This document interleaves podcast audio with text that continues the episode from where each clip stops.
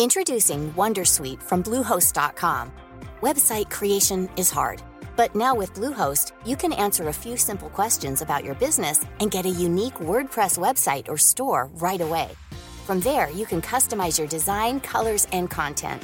And Bluehost automatically helps you get found in search engines like Google and Bing.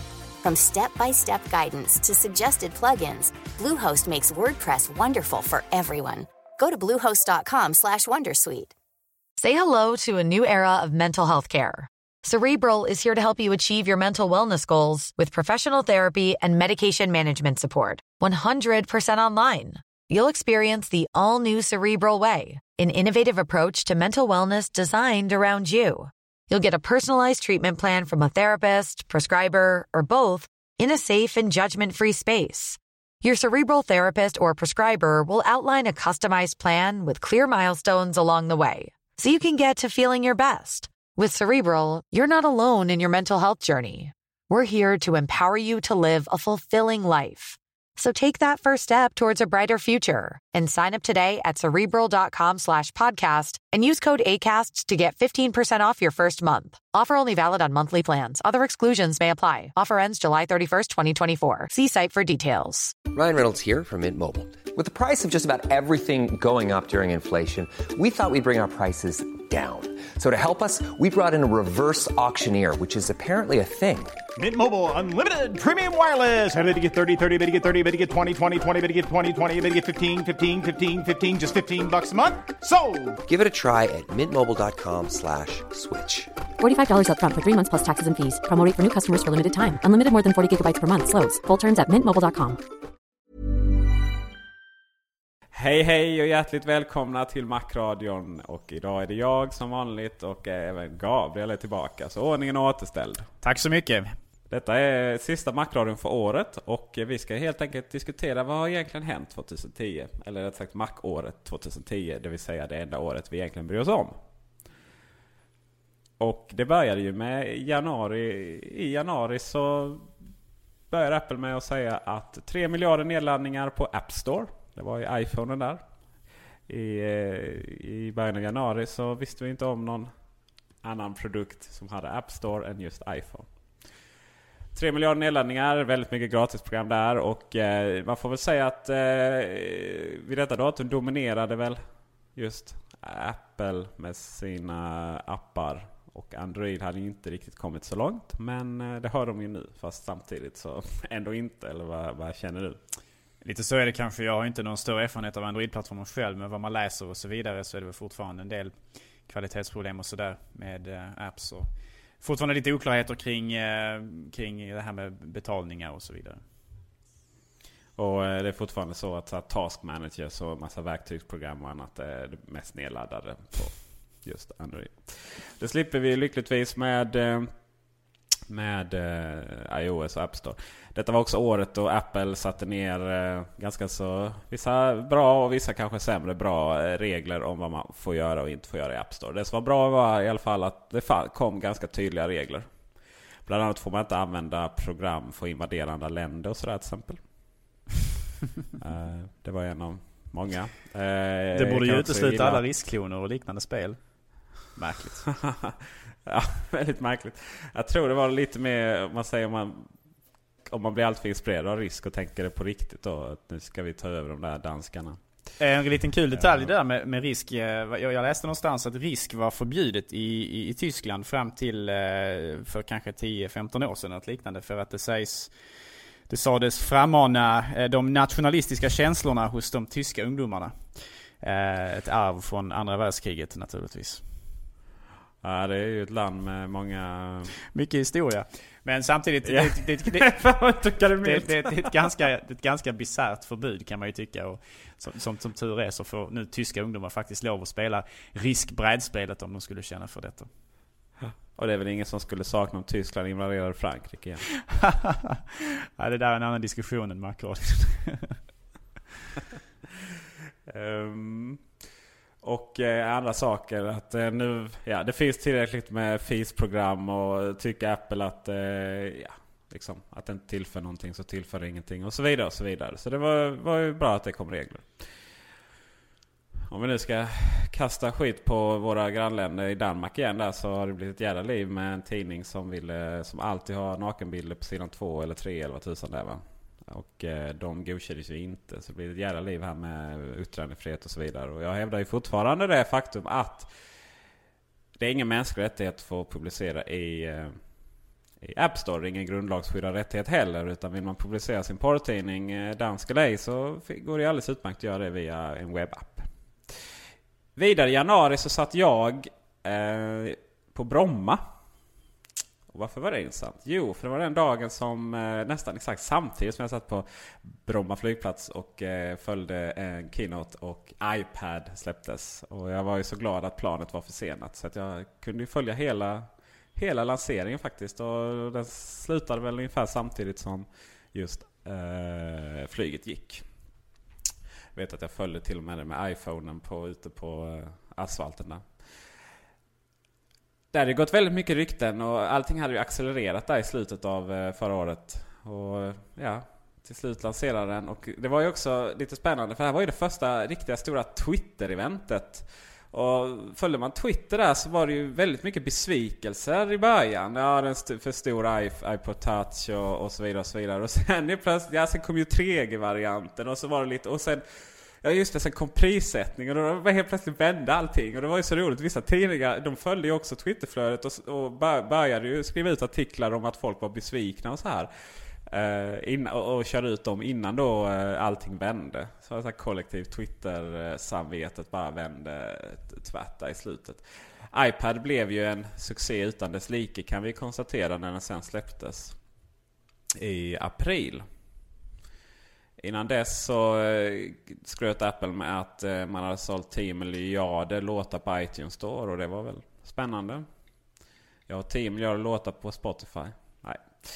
Eh, april den 3 då så släpptes iPad i USA och eh, det var väl många som förutspådde att det skulle gå åt skogen, tror jag. Ja, det tycks leva kvar någon slags missuppfattning åtminstone ett bra tag efter de släpptes också eh, om att det faktiskt gick åt skogen för att det här med det var lite osäkert med hur den egentligen sålde och sådär och lite journalister här och var publicerade artiklar som fick folk gärna tro att det var ett, ett misslyckande, en flopp och så vidare, vilket det naturligtvis i slutändan visade sig att det inte var. Nej, den såldes 300 000 sin första dag. Var väl... Eh, det fanns för de som hade beräknat mer och de som hade beräknat mindre. Men 300 000 var ju vad man lyckades tillverka helt sonika. För att ja, de tog slut överallt. Det har väl varit så under väldigt lång tid att det är just eh, tillgången som har eh, eh, liksom begränsat försäljningssiffrorna helt enkelt. Eh, iPad bygger ju på relativt eh, relativt, eh, på många sätt relativt ny teknik fortfarande. Och det här med att man har gjort skärmen större från iPhone och så vidare. har naturligtvis gjort att det kanske varit inte alltid så lätt att få fram tillräckliga kvantiteter utav komponenterna som behövs helt enkelt. I detta fallet var det skärmen sägs det som var svår att tillverka. Mm, precis. Och det var väl Samsung i vanlig ordning där. Tror jag. Um, iPad blev ju Ja, det, blev, det var en ganska konstig produkt. Den såldes snabbast av alla i hela världshistorien. Typ alla teknikprylar. Om man bortser från eh, något um, Playstation eller Xbox 360 eller vad tusan var. Och, eh, men samtidigt var det svårt att förklara för folk vad den skulle vara till. Och, eh, I och med att det är ingen, ingen telefon på det sättet så var den väldigt appberoende. Och det fanns ju inte så mycket appar i början men det kom det ju i rasande takt.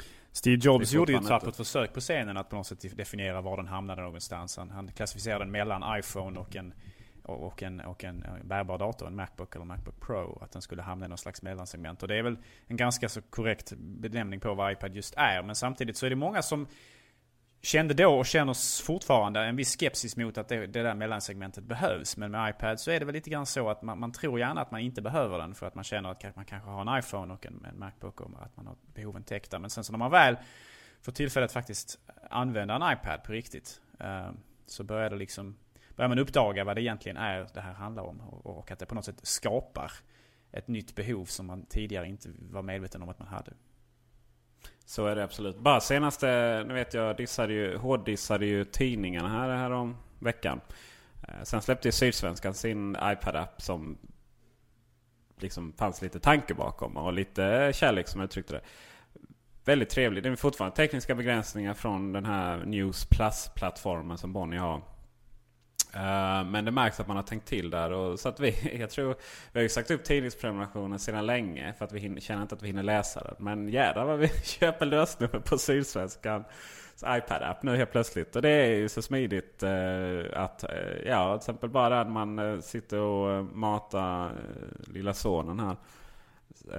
fortfarande är det nappflaska som gäller och då, där, då funkar det inte med en bärbar dator. Om, det funkar inte med det funkar inte med eh, att sitta och göra någonting annat då ska jag säga. Det är inte så jättekul att se välling. Eller ersättning kallas det ju. Eh, liksom sakta men säkert försvinner i flaskan. Det går inte med barbadator, det går inte med papperstidning. Men det går alldeles utmärkt att ha iPaden där jämte. Faktiskt. Um, och det finns så många andra exempel på där det finns... Ja, nej, men jag vill inte ta upp datorn. För det är så... Dator, det är, det är producer, producerande. Det är att blogga, det är att göra massa saker. Och det var aktivt deltagande. Medan iPaden är så härlig att bara ta upp och bara, ja nu läser jag Sydsvenskan. När jag har gjort det så, så kollar jag någonting annat lite snabbt. Sådär. Så nej, verkligen, den fungerar verkligen som det här mellantinget som ändå Steve Jobs sa. Tycker jag. Väldigt bra. Fokus på informationskonsumtion men även till viss del har det börjat dyka upp en hel del apps som handlar om att man ska skapa, eh, skapa saker och ting via iPad. Viss, så är det förstås. Vissa, vissa, vissa, med, alltså, man ska säga, vissa medium kanske är bättre lämpade för den andra. Att ordbehandla på en iPad går ju kanske inte lysande om inte man har ett fysiskt tangentbord. Eh, att rita på en iPad är betydligt bättre än att rita på en dator med musmarkör eller med, med en muspekare och sådär. Ehm, så att den har ju vissa fördelar och vissa nackdelar. Absolut. Men jag tror man ska nog inte försöka göra mer. Jag vet när jag får kunder och, som ska köpa den och fråga ja, Ska jag ha en Macbook Air eller ska jag ha en iPad? Och då nästan, om man ställer den frågan så är det nästan svaret är ju Macbook Air.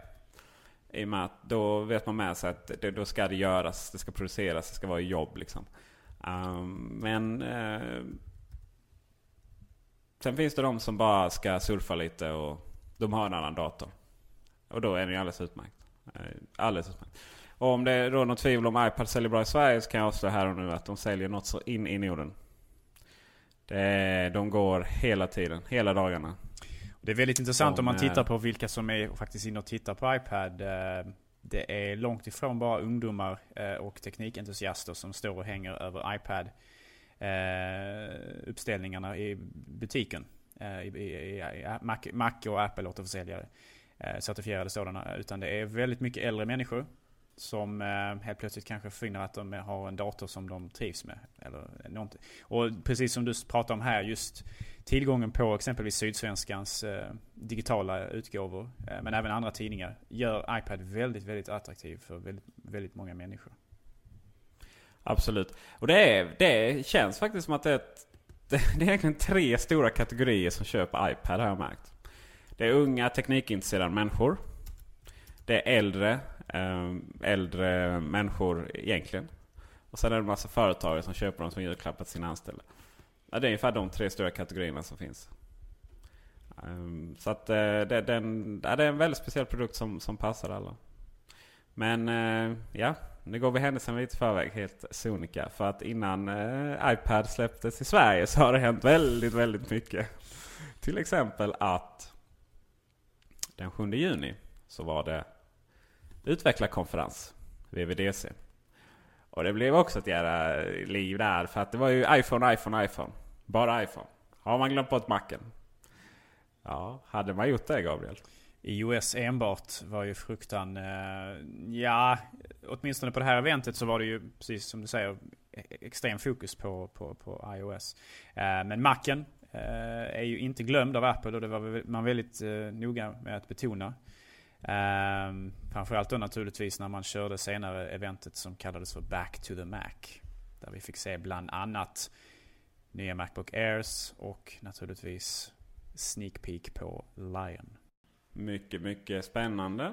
Men det som släpptes, eller det som presenterades var en eh, iPhone 4. Svart och vit. Men det blev ju inte någon vit. Ah, iAds. iAds skulle ju vara den stora revolutionen inom reklambranschen. Och eh, det blev det ju också till viss sätt. Men även där har det ju... Det har ju inte exploderat direkt. Nej, alltså iAds... Det, det, först och främst, det är ju svårt naturligtvis. Apple på något sätt måste ju konkurrera med Google kanske framförallt, men även andra företag. Eh, och vad jag har förstått, vad man har, vad man har läst kring det hela, så är ju Apple väldigt kvalitetsmedvetna om just eh, vad gäller eh, vilka annonser som, som tillåts på iAds. Så de har ganska så drakoniska regler och förutsättningar för att man faktiskt ska få publicera på plattformen. Det känns nästan lite grann som om, om Steve Jobs själv måste godkänna varje enskild annons som görs. Jag vet inte om så är fallet, men man har väldigt mycket, man behåller väldigt mycket kreativ kontroll över annonserna för att säkerställa kvaliteten. Samtidigt så kan detta naturligtvis vara ett problem för de som faktiskt betalar för annonserna, det vill säga annonsörerna som kanske i, i sig kan känna att de mister eh, inflytande som, som man kanske gärna annars vill ha. Men, men Apple vill ju naturligtvis kontrollera användarupplevelsen även här. Ehm, så att det inte blir alltför ja, både naturligtvis påträngande men samtidigt också smaklöst. Just det, iAds-annonserna är ju väldigt snygga. Det är, om det är det inget tvivel. Men samtidigt handlar annonsering om så mycket kvantitet. Så just när det kommer till Google Ads så är det ju så extremt mycket kvantitet så det är bara jobbigt egentligen åt det hållet. Eh, men liksom ska det komma någon större marknad så får man nog eh, släppa lite på det. Och det var väl det sagt också i början så skulle man just säkerställa kvaliteten och sen skulle man släppa det allt efter eh, som. Men det är också sagt att annonsörer har hoppat av just för att man aldrig liksom kunnat få en godkänd annons. Och det, har inte, det ska släppas, eller släpptes här i Europa nu här senast i december tror jag. Det, det är inte så här... I vanliga fall brukar man ha stenkoll på allt Apple gör men det där är lite... Ja. Ah, det är också annonsering. Det är inte så jädra roligt. Ja, det får ju inte lika mycket publicitet i, i teknikpressen eh, naturligtvis av uppenbara skäl. Eh, det är liksom ett, ett annat segment eh, men samtidigt så är det också lite...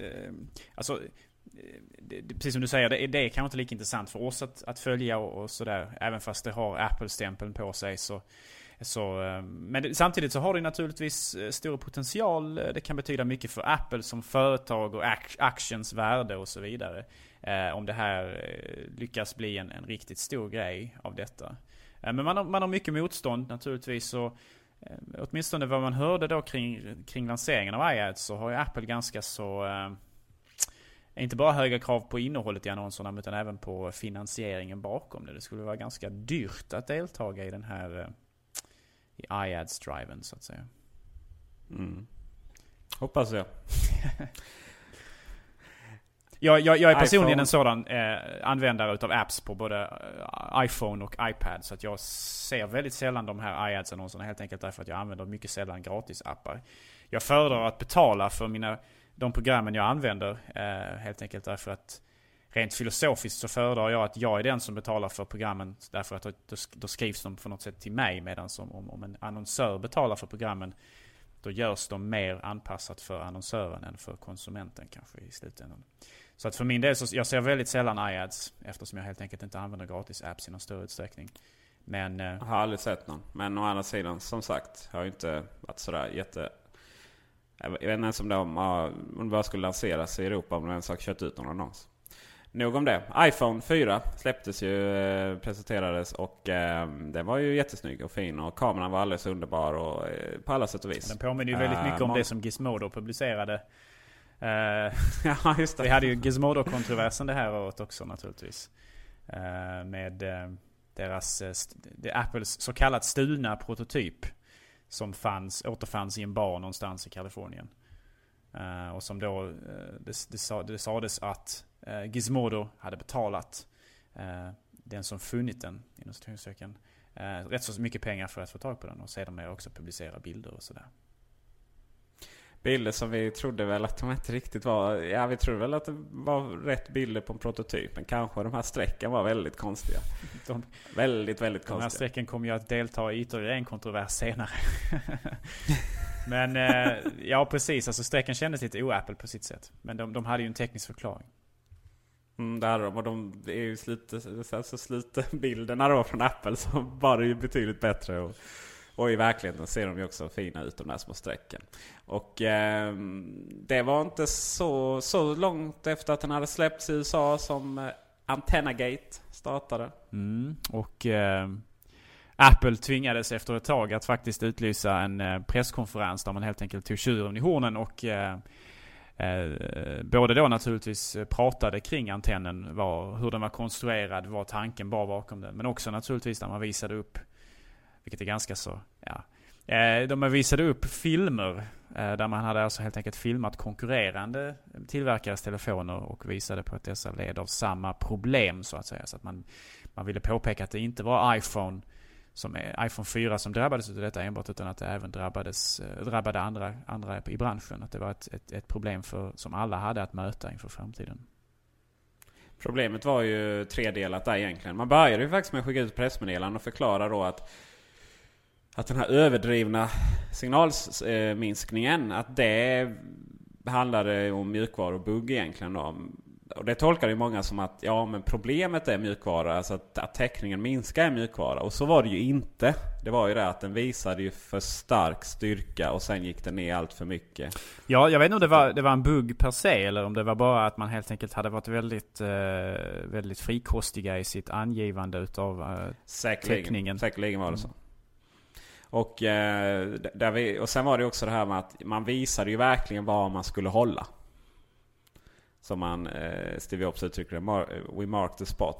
Alltså att det verkligen, verkligen visar vad man skulle hålla.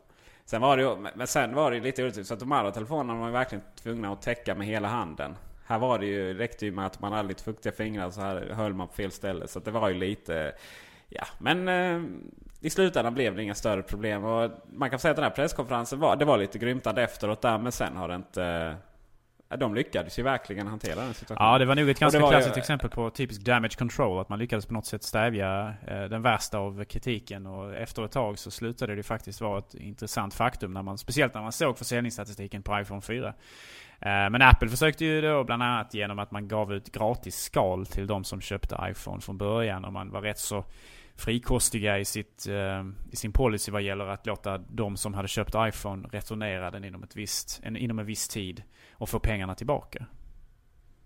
Och sen är det ju, sen vet man inte exakt, man kan ju hålla på med statistik och vända och vrida hur man vill. Men den som presenterade sen handlade ju om att det var ju mindre som ringde om de här problemen än, alltså det var ju bara någon promille va. Och att det var mindre som eh, tappade samtalen 3GS. Och, och det kan jag rent personligen hålla med om i mitt liv så 3GS var rätt bra på att tappa samtal och iPhone 4 har aldrig hänt nästan känns som. Här hemma så har jag jättedålig mottagning med 3GS. Eh, faktiskt så att det ibland inte går att ringa av någon jävla anledning mitt i Malmö centrum.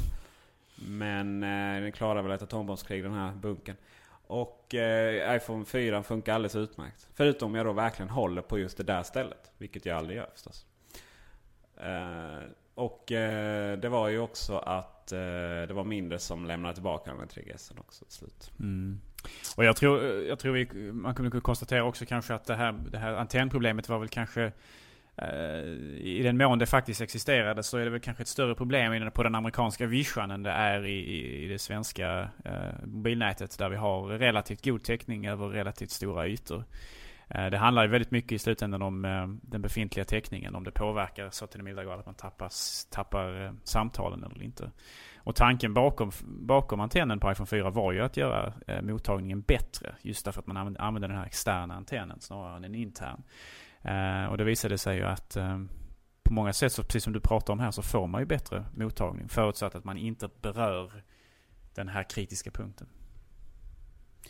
Och eh, strax efter fick Mark vad heter han? Papermaster. Papermaster. Mm. Sparken. Han var ju ansvarig för uh, iPhone 4 hårdvaruutveckling. Eller iPhone hårdvaruutveckling. Han var väl dyrköpt ifrån IBM har jag för mig. Han skulle ersätta en annan uh, person som ju i princip fick gå också. Ja, precis. Uh, alltså, ja, det, jag tror IBM stämde väl, uh, mitt minne sviker mig, stämde de Apple eller de stämde Mark Papermaster? Men i alla fall så slutade det med att Apple fick betala rätt mycket för att få tag på Mark Papermaster. Och, och eftersom han gick relativt mycket i samband med den här iPhone 4-gate, eller Antenna-gate, så, så, så, så spekulerades det mycket kring att han fick gå på grund av det. Men i slutändan så vet vi inte egentligen varför han fick sparken eller fick sluta. Det, det ryktades om att han inte riktigt passade in rent eh, företagskulturmässigt på Apple. Kommer man från IBM och har jobbat där väldigt länge så är det ju väldigt olika företagskultur. IBM är ju liksom känt som företaget där man går i slips och kostym till arbetet och där eh, uppförandekoderna är väldigt strikta. mycket mellanchefer. Man eh, skriver ett dokument och sen ska det hållas. På Apple handlar det väldigt mycket om då, enligt, ja, jag har inte jobbat där själv men enligt det vi har läst och så vidare att där ska man som vice vd för någonting då, kallas ju eh, Vice President, ha en stenkoll på det mesta. Så han kan ju, kunde säkert inte svara på många frågor när han blev inkallad till JOBS. Det ryktas också att i slutändan handlar det inte om att antennproblemet utan tvärtom. Att Flexibility is great. That's why there's yoga. Flexibility for your insurance coverage is great too. That's why there's United Healthcare Insurance Plans. Underwritten by Golden Rule Insurance Company, United Healthcare Insurance Plans offer flexible, budget friendly coverage for medical, vision, dental, and more. One of these plans may be right for you if you're, say, between jobs, coming off your parents' plan, turning a side hustle into a full hustle, or even missed open enrollment. Want more flexibility? Find out more about United Healthcare Insurance Plans at uh1.com. Say hello to a new era of mental health care. Cerebral is here to help you achieve your mental wellness goals with professional therapy and medication management support. 100% online. You'll experience the all new Cerebral Way, an innovative approach to mental wellness designed around you. You'll get a personalized treatment plan from a therapist, prescriber, or both in a safe and judgment free space. Your cerebral therapist or prescriber will outline a customized plan with clear milestones along the way so you can get to feeling your best. With Cerebral, you're not alone in your mental health journey. We're here to empower you to live a fulfilling life. So take that first step towards a brighter future and sign up today at cerebral.com slash podcast and use code ACasts to get 15% off your first month. Offer only valid on monthly plans. Other exclusions may apply. Offer ends July 31st, 2024. See site for details. Introducing Wondersuite from Bluehost.com. Website creation is hard.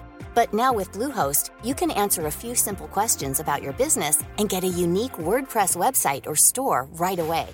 From there, you can customize your design, colors, and content. And Bluehost automatically helps you get found in search engines like Google and Bing. From step-by-step guidance to suggested plugins, Bluehost makes WordPress wonderful for everyone. Go to bluehost.com/wondersuite. As a person with a very deep voice, I'm hired all the time for advertising campaigns. But a deep voice doesn't sell B2B, and advertising on the wrong platform doesn't sell B2B either. That's why if you're a B2B marketer, you should use LinkedIn ads. LinkedIn has the targeting capabilities to help you reach the world's largest professional audience. That's right, over 70 million decision makers all in one place. All the big wigs and medium wigs, also small wigs who are on the path to becoming big wigs. Okay, that's enough about wigs. LinkedIn ads allows you to focus on getting your B2B message to the right people. So, does that mean you should use ads on LinkedIn instead of hiring me, the man with the deepest voice in the world? Yes. Yes, it does. Get started today and see why LinkedIn is the place to be to be. We'll even give you a $100 credit on your next campaign. Go to linkedin.com slash results to claim your credit. That's linkedin.com slash results. Terms and conditions apply. Han, i och med att, att iPhone 4 var ju utvecklad innan, idén var ju utvecklad innan han kom. I slutändan handlar det om att han visst hade varit kritisk till konstruktionen. Eh, Eh, Så att det kanske då var tvärtom istället. Ytterst Men eh, han fick gå iPhone 4. Ja. Men man skulle lika så kunna säga att, att han hölls ansvarig för att den vita iPhone 4 aldrig liksom så, så, så dagens ljus. Eller åtminstone inte har gjort det ännu. Det är också ett ka, ka, Nej ett- precis, det kom ju många katastrofalt hela misslyckande på många sätt. Jag menar det, är- det, det är nästan lite det, är- det är pinsamt alltså. Att man inte lyckas prestera eh, den vita modellen ännu. Hela sommaren kom det ju statement om den vita iPhonen. Reviderade uttalande det- hela tiden. Det senaste vi har hört nu det är väl att man räknar eller får hoppas kunna prestera den någon gång i första kvartalet 2011. Men återigen, det, vi vet ju absolut ingenting där i slutändan. Därför att man, Apple har lovat tidigare att den skulle dyka upp i slutet av detta året och den har vi inte sett den ännu. Eh, Så vi får väl se om det dyker upp någon vit iPhone 4 eller om den vita färgen sparas till eh, iPhone 5 istället. Och i så fall naturligtvis ska det bli intressant att se hur designen är på iPhone 5. Om den, den lånar eller kanske till och med liknar väldigt mycket 4 Med tanke på Antennagate och så vidare så kanske man vill eh, på något sätt åtgärda den här designen. Men samtidigt så var ju 3G och 3GS nästan identiska utseendemässigt. Det hände ju inte mycket på utsidan. Uh, och uh, ja, det finns ju lite av precedent där då att, de, att man använder en design i två generationer. Vi får väl se hur det blir med nästa iPhone som borde komma, eller åtminstone presenteras till sommaren 2011. Ja, Nej, jag tror du har en poäng där. Att eh, man fixar till på något sätt det här eh, problemet. Om vi ska kalla det fortfarande. Men i övrigt så... Mm. Mm, ja, alltså jag, för vi menar annars kommer rubrikerna igen. Apple släpper ytterligare en ny iPhone och den här gången så har de fortfarande inte kommit- åtgärdat den, den, den, den, liksom, den, den kritiska punkten. Även fast det här har blåst över nu och det är inte en kontrovers längre så skulle det nog lätt kunna antändas igen om även nästa generation eh, av iPhone har samma problem. Så att jag, jag tror att man måste, göra, man måste åtgärda det på något sätt. Eh, även fast det nu, har, nu i efterhand så här har visat sig vara ett mindre problem än många trodde det skulle vara.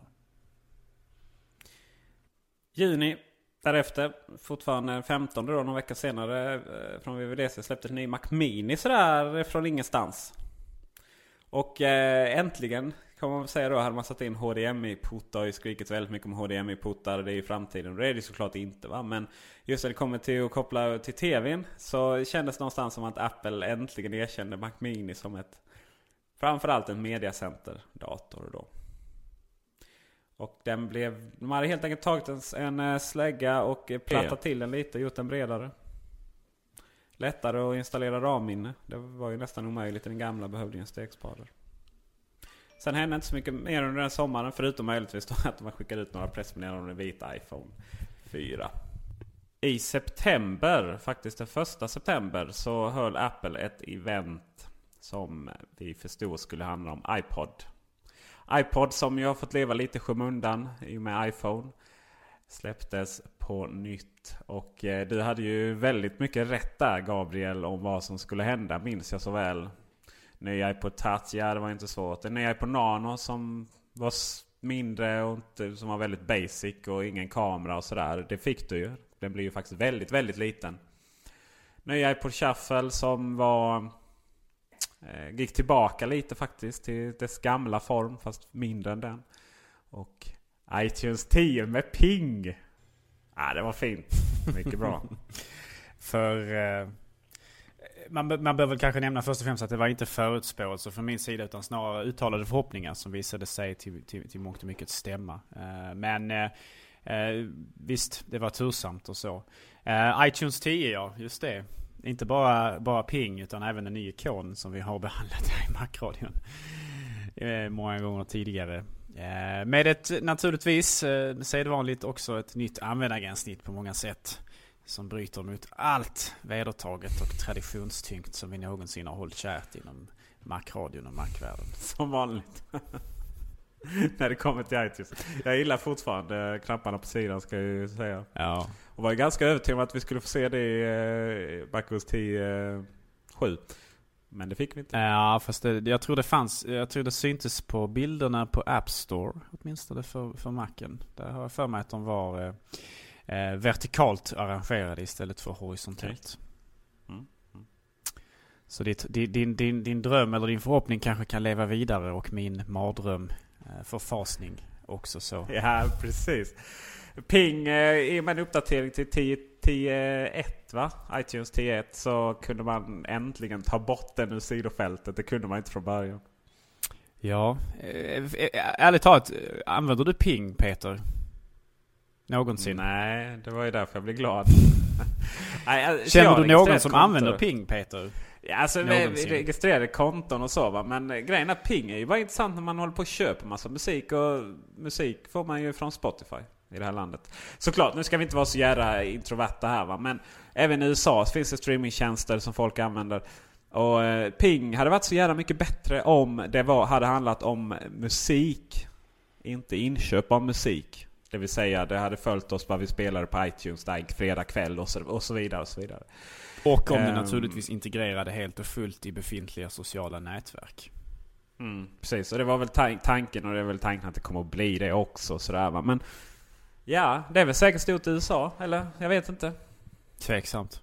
Jag vet faktiskt inte. Jag har ingen, jag har ingen erfarenhet. Eller jag vet inte mer än, än någon annan där om det. Uh, men så länge det inte är integrerat med exempelvis Facebook. Så länge det inte är precis som du säger. Så länge det bara handlar om vad man köper för musik. Så är det kanske inte någonting som intresserar åtminstone mig. Nej. Men det kan bli väldigt det... intressant den dagen Apple själv har en Spotify-konkurrent. Den dagen mm. som vi naturligtvis alla längtar efter. Och kommer att få se. Um, de har ju sitt datacenter där byggt i North Carolina. Och det tog man ju på prov uh, genom att liveströmma för första gången sedan uh, början av 2000. Fast, ja, nu det fast är det, ja precis, man började livestreama sina events igen. Men frågan är om man använder North Carolina där, data center där eller om det bara är Akamai som sköter det där. Jag har, aldrig, jag har aldrig fått bekräftat eller sett några bekräftelser på att det faktiskt var Apple själva som skötte det. Utan det är mycket möjligt att man faktiskt eh, la ut det på eh, entreprenad. Men hur som helst i varje fall ja, så, har, Fast... så har mycket hänt eh, sen, när vi, sen när vi liksom såg ett livestreamat event senast. För då var det liksom frimärksstorlek på bilden det hackade och det var dåligt ljud och allt möjligt. Och nu mm. för tiden så funkar det faktiskt eh, relativt eh, bra. Och bilden och ljudet är förvånansvärt eh, hög kvalitet också. Då och då under de event som vi har sett, vi har väl upplevt två nu. Så har väl kanske det hackat till eller man har fått starta om strömmen. Men över, överlag så har det faktiskt varit imponerande. Speciellt med tanke på att sen den dagen där de strömmade sist, alltså tidigare, så har ju liksom antalet akolyter världen över, antalet intresserade som faktiskt pejlar in de här eh, sändningarna har ju ökat eh, drastiskt. Absolut, så att det är väldigt imponerande. Det som sades var just att det skulle vara ett test av datacentret. Sen är ju inte allt man läser på internet sant, för visserligen. Jag tror inte det är Apple som sagt det hur som helst. Så att, eh, utan det är snarare spekulationer precis. från tredje part. Uh, sen var det ju premiär för Allt om Mac Live då. Det var livechatt som var väldigt populär och eh, Macradion live. Eh, som, ja det var spännande. Eh, allt går ju att förbättra som sagt. Efter det så kom eh, rätt snart en presentation av iOS 4.2 ju. Med AirPrint och AirPlay. Och AirPrint var ju också en sån här, eh, ibland känns det som att Apple är lite de var väldigt bra på att inte göra bloatware. De har faktiskt lyckats presentera många saker. Men AirPrint var väl en sån sak som gick från att finnas till att inte finnas till att enbart involvera sex stycken HP-skrivare. Eh, Air, AirPrint då, om jag har sagt AirPlay innan. AirPlay nu eh, presenteras ju också. Det var ju väldigt populärt. Eh, genom att man eh, skulle kunna strömma till eh, Apple TV. Nya Apple TV som inte släppt i Sverige ännu. Som kom då den första september. Missade jag att prata om. Uh, som var väldigt mycket mer molnbaserad uh, historia. Allting handlar om den. Det är ingen egen hårddisk och så vidare. Och så vidare. Uh, inte släppt i Sverige. Och lär väl inte göra det heller förrän det kommer riktiga... Riktiga... Vad kallas det? Innehåll i iTunes Store. Jag var lite besviken faktiskt det eventet. Uh, det är inte ofta jag blir det, men eh, jag hade verkligen hoppats på en App Store till Apple TV. Och uh, det löstes varje på sitt sätt genom AirPlay, trodde vi lite. Det vill säga att det skulle gå att köra uh, video från från iOS-enheter till Apple TV. Och det går ju, men bara i videoappen och YouTube-appen. Samtidigt så har Steve Jobs sagt att AirPlay, eller rätt sagt Apple TV och AirPlay, att det dels ska bli bättre och dels att Apple TV kanske eventuellt får en App Store också. Så det får väl bli det vi diskuterar nästa år. Jag tror det framförallt kommer bli tillgängligt till tredjepartstillverkare så att man kan integrera det i sina appar. Vilket ju är väldigt viktigt om man använder sig av alternativa lösningar för att spela upp exempelvis film eller musik. Mm. Det finns ju idag det gör det ju. Eh, det är bara att eh, man får inte använda det. Det är inget officiellt SDK som det så vackert heter. Nej precis. Så använder man sig av inofficiella eller SDK så släpps man, inte, släpps man inte in på App Store med den appen. Så att uh, man har ingen möjlighet att använda det ännu. Åtminstone inte om man inte har jailbreakat sin telefon och således använder sig av program som inte är officiella på App Store. Just så. Oktober. Jag vet inte hur många gånger vi har tjatat om 4 gig minne på en Macbook Air. Och eh, nya Macbook Air släpptes den 20 oktober. Med 2 gig minne. Men åtminstone med den förlåtande egenskapen att man kan köpa den med 4 GB minne om man så skulle önska. En eh, modell som naturligtvis har blivit eh, extremt populär. Jag skulle, skulle, skulle inte förvåna mig om man säljer minst lika många av, av 4 GB som av 2 GB, om inte fler kanske till och med. Eh, det gjorde man och eh, på grund av det så var det jävla långa leveranstider på dem. Man hade verkligen överskattat, eller förlåt underskattat efterfrågan på det. Och man kan ju säga så här att det är fortfarande långa leveranstider på, på Macbook Air med 4 GB minne. Det är fortfarande så att man har svårt att få tag på det i butik idag i skrivande stund. Eh, och jag tror många butiker ser väl till att ha de modellerna inne även som standard. Eh, tidigare, alltså, normalt sett när man köper in butik, eh, liksom datorer till butiker så köper man in grundmodellerna av, av varje, varje, så att säga, varje, varje dator. Eh, grundmodellerna av 21-tums iMacen och grundmodellen av 27-tums iMacen. Och sen så, sen så kan man även ta in då på beställning de större modellerna. Men med Macbook Air så, så, så tror jag att man överhuvudtaget tar in 4 GB som standard har i lager också. Mm. Uh, samtidigt är detta den enda datorn som man liksom inte riktigt alltid behöver 4 GB. Nej precis, alltså, eh, tack vare att man nu kör SSD standard, eller rättare sagt man kör flashminne standard. Eh, uh, SSD var inte riktigt rätt benämning på det. Uh, så, så har man faktiskt på, visst, på, på sitt sätt um, minskat behovet av uh, internminne. För internminne har ju många gånger använts som ett snabbare form att komma åt datan än att behöva hämta det från en långsam hårddisk. Och tack vare det snabbare flashminnet Eh, så, så, så, behöver man kanske inte ha lika mycket internminne standard. Men sen är det ju naturligtvis så att eh, framtida versioner utav operativsystem, framtida program som man kommer att köra på sin Mac naturligtvis kommer att ha, ha glädje och nytta av 4 GB internminne. Så att min rekommendation jämt och ständigt till alla och en var som funderar på att köpa Macbook Air är att lägga den där tusenlappen extra för att få 4 GB modellen det är en värdefull och eh, viktig uppgradering att göra. Framförallt sett ur ett framtidssäkrandes perspektiv. De skulle eh, höjt priset 1000 kronor och inkluderat minnena. Men eh, Macbook Air har verkligen gått från en lyxmodell till VDS och eh, Peter Esse. Eh, till att bli en allemansdator för alla och då har man sparat in något så frenetiskt. Den har ingen ER-sensor. Den har ingen, eh, den, har ingen ly alltså den lyser inte ens. Om man trycker igång knappen och den startar direkt. Typ batteriet behöver en liten eh, kickstart. Så vet man inte om den är helt död eller vad som händer eller vad, vad tusan. För att den har inga som helst indikatorer på den här datorn. Och inte bakgrundsbelyst tangentbord heller. Vilket jag ser som den egentligen stora nackdelen med nya Macbook Air. Där är Ja, att den inte har IR-sensor det, det, det, bryr, det bryr jag inte mig ett sekund om. Eh, och, eller att den har någon slags lyssignal för att visa att den är igång eller viloläge. Återigen, eh, ointressant för, ur mitt perspektiv. Men just att den saknar bakgrundsbelyst tangentbord gör den lite ointressant för mig. Trots att jag älskar den egentligen. Mm. Men det kommer lite grann av att man sänkte priset väldigt mycket och även gjorde den lite tunnare naturligtvis. Så att eh, det är väl kanske eh, någonting som vi kan hoppas få se i framtiden istället på nästa, nästa uppdatering. Samtidigt så kom iLife 11, väldigt trevlig uppdatering, iPhoto. Lite buggig men väldigt trevlig. Uh, iMovie eh, kom också. Uh, Garageband kom inte. iWeb blev inte uppdaterat och iDVD blev inte uppdaterat. Men samtidigt så blir iDVD inte heller eh, avrättat om man säger så. det fick faktiskt fortfarande vara med i asken där. Eh, så det ingår fortfarande i programsviten eh, ytterligare en uppdatering. Vi får se hur det blir nästa version. iMovie har äntligen stöd för att importera film från iPhone. Det har han inte haft innan. Det är så här bara, men för helvete. Det jag kan sakna med iPhoto är att man kan inte bocka av, importera inte film.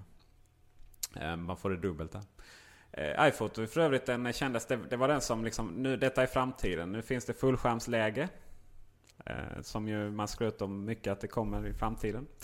Och då är det inte den typen av fram, eh, fullskärmsläge som Windows kör. Det vill säga att man drar upp allting bara för att man inte vill ha en stor ful fet grå bakgrund.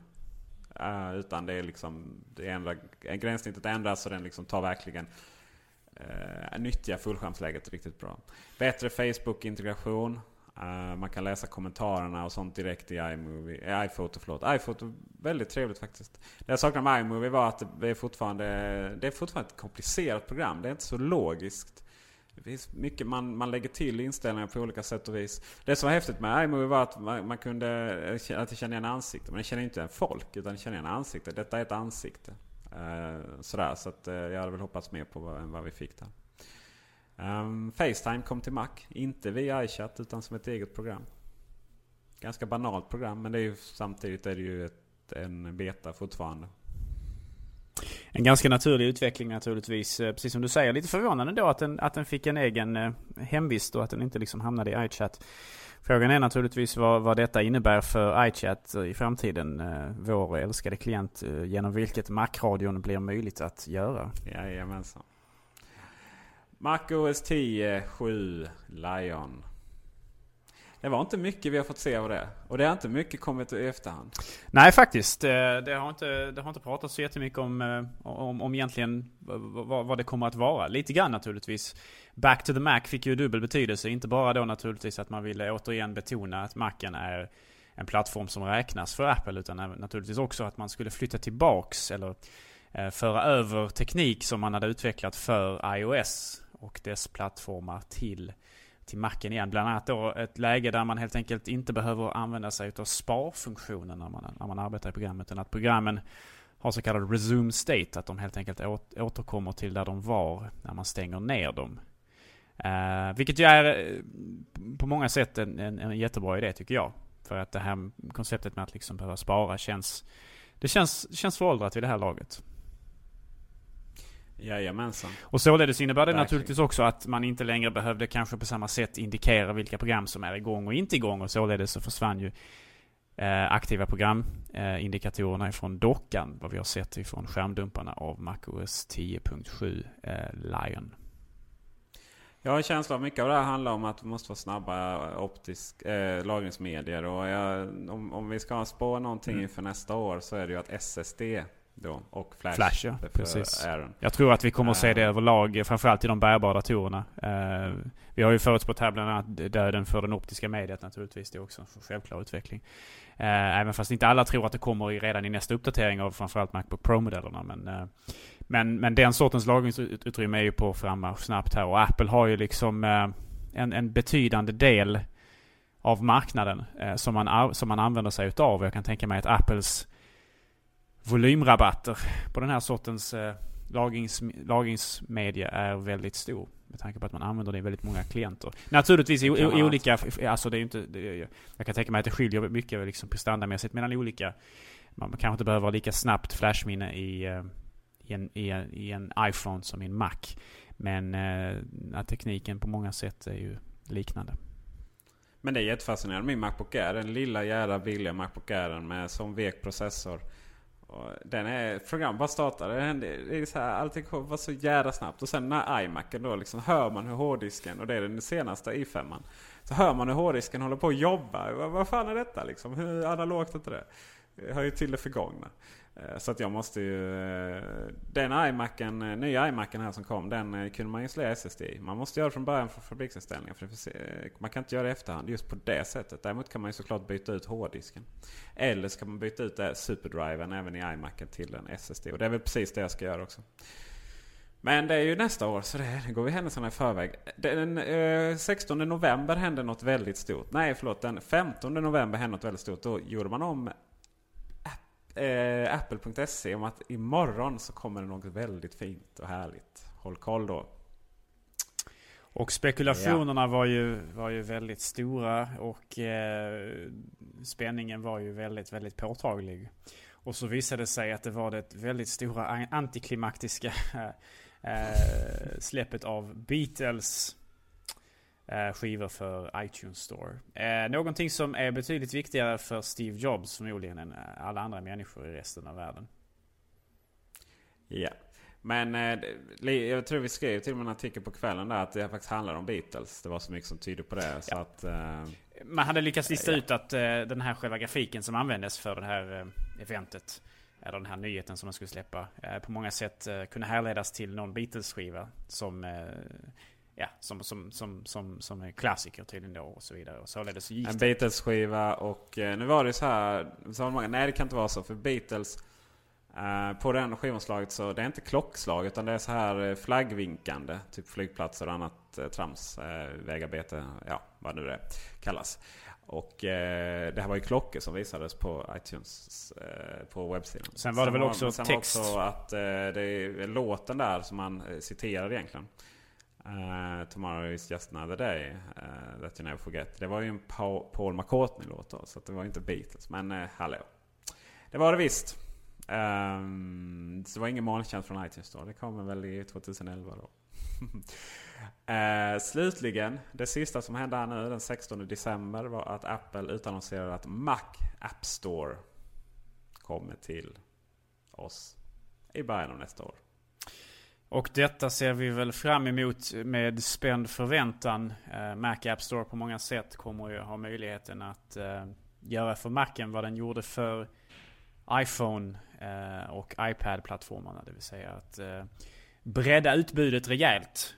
och naturligtvis också att öppna den vanliga hemanvändarens ögon för att möjligheten att kunna expandera funktionaliteten i sin apparat genom billiga och enkla transaktioner via ett centralt register av program. Och hela känslan där, MacOS 10.7, hela tiden handlar om att komma närmare hur iOS fungerar. Eh, och jag tror det kommer bli väldigt bra för den vanliga användaren. Kommer aldrig ladda hem någonting, behöver inte tänka på filstrukturer. Dokumenten ligger i, i Pages, Numbers. Inte hålla på i finder. Så det blir en spännande framtid faktiskt. Uh, och uh, vad beträffande Macradion så har ju 2010 varit lite upp och ner. Det har väldigt mycket att göra med våra privata åtaganden. Eh, I och med 2011 så kommer det vara fler människor inblandade så som vi har sagt innan. Så eh, det kommer bli, kan bara gå uppåt från och med nu. Och nu går det ju att ladda hem eh, Macradion från iPhonen också direkt. Det har vi löst genom att helt enkelt ta bort kapitelindelningen. Det var det som störde det. Så eh, jag får önska alla eh, god jul och eh, gott nytt år. Och även dig kära, kära kollega. Tack detsamma och eh, väl mött 2011. Join us today during the Jeep Celebration event. Right now, get 20% below MSRP for an average of 15178 under MSRP on the purchase of a 2023 Jeep Grand Cherokee Overland 4xE or Summit 4xE.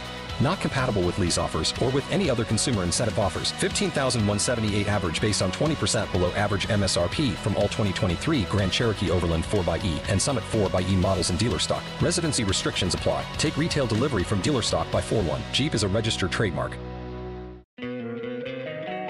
Don't you love an extra $100 in your pocket? Have a TurboTax expert file your taxes for you by March 31st to get $100 back instantly. Because no matter what moves you made last year, TurboTax makes them count. That means getting $100 back and 100% accurate taxes only from Intuit TurboTax. Must file by 331. Credit only applicable to federal filing fees with TurboTax full service. Offer can be modified or terminated at any time.